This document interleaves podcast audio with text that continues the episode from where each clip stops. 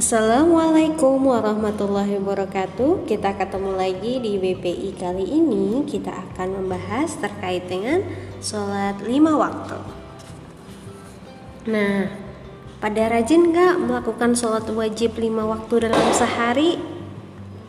Oke, nah kita harus tahu ya kenapa sih kita itu penting untuk menjaga sholat lima waktu? Apa saja keistimewaan dan keutamaannya Rasulullah Shallallahu Alaihi Wasallam bersabda, suruhlah anak-anak kecilmu melakukan sembahyang pada usia tujuh tahun, dan pukullah mereka apabila lalai atasnya pada usia 10 tahun dan pisahkanlah mereka di tempat-tempat tidur. Hadis riwayat Ahmad dan Abu Dawud. Jadi di sini teman-teman tahu kan ya kalau enggak sholat wajib, kalau udah umurnya mulai 7 tahun boleh loh dipukul karena apa? Untuk melatih kita bahwa itu adalah wajib. Karena sholat itu adalah tiang agama. Kalau kita sholat yang awalnya kita sebel, males, anyel gitu, hati kita bisa jadi tentram. Maka perlulah kita mendirikan sholat dengan baik agar agama kita menjadi kuat gitu. Nah, apa saja sih keistimewaan sholat fardu itu? Dia istimewa karena hukumnya adalah wajib.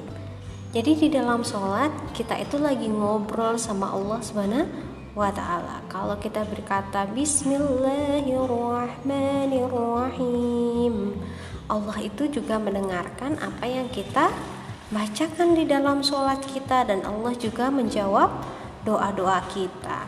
Siapa sih yang nggak ingin doanya dikabulkan sama Allah? Nah, pasti pada pingin ya dikabulkan sama Allah doa-doanya, harap-harapannya begitu. Nah, di dalam sholat ini, sholat itu bisa juga menjadi penolong kita kalau kita baru kesulitan makanya kita bisa berdoa ya Allah nilaiku tuh jelek ya Allah aku tuh sekarang baru malas untuk belajar. Bantu dong biar aku nggak malas belajar lagi.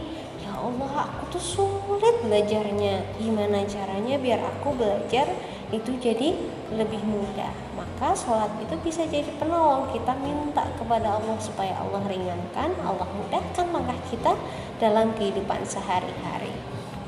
Nah keistimewaan yang ketiga adalah sholat. Itu adalah wasiatnya Rasulullah Shallallahu Alaihi Wasallam. Dan Allah itu melimpahkan cinta kasih sayangnya juga kalau kita menjalankan sholat. Itu merupakan keistimewaan yang nomor empat. Keistimewaan yang nomor lima sholat mencegah perbuatan keji dan mungkar. Kenapa kok bisa mencegah perbuatan keji dan mungkar dengan sholat kita ingat sama Allah. Dengan sholat kita yakin bahwa Allah itu yang menciptakan kita. Sehingga akhirnya kita jadi gampang nih membedakan eh itu tuh perbuatan baik loh yang itu tuh nggak baik perbuatannya. Kita jadi mudah membedakannya.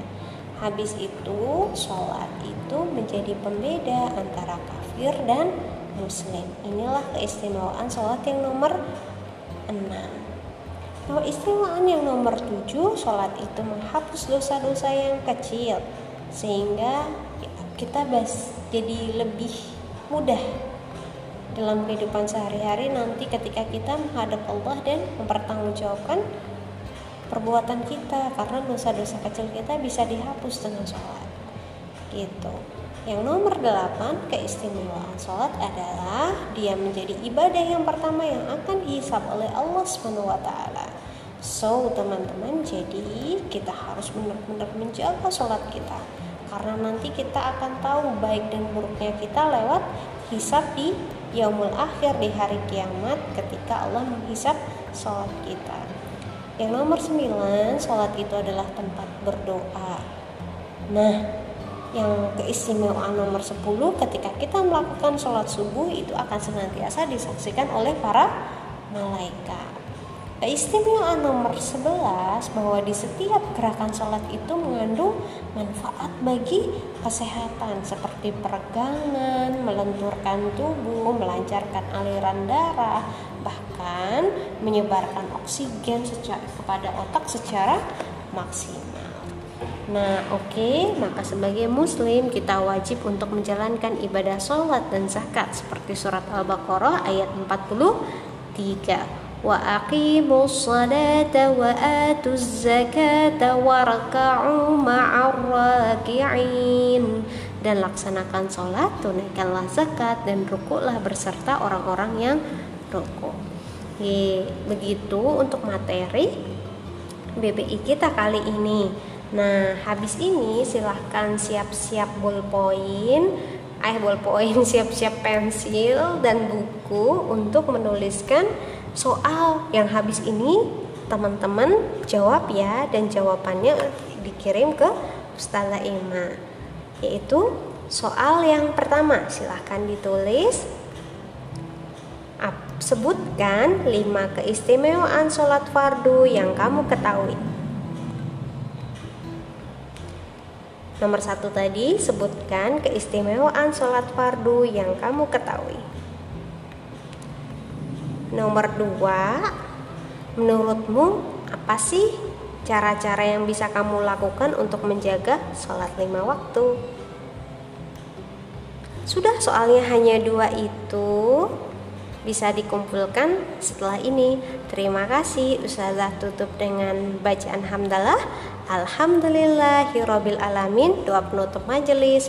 Subhanakallahumma wa bihamdika asyhadu an la ilaha illa anta astaghfiruka wa atubu ilaik.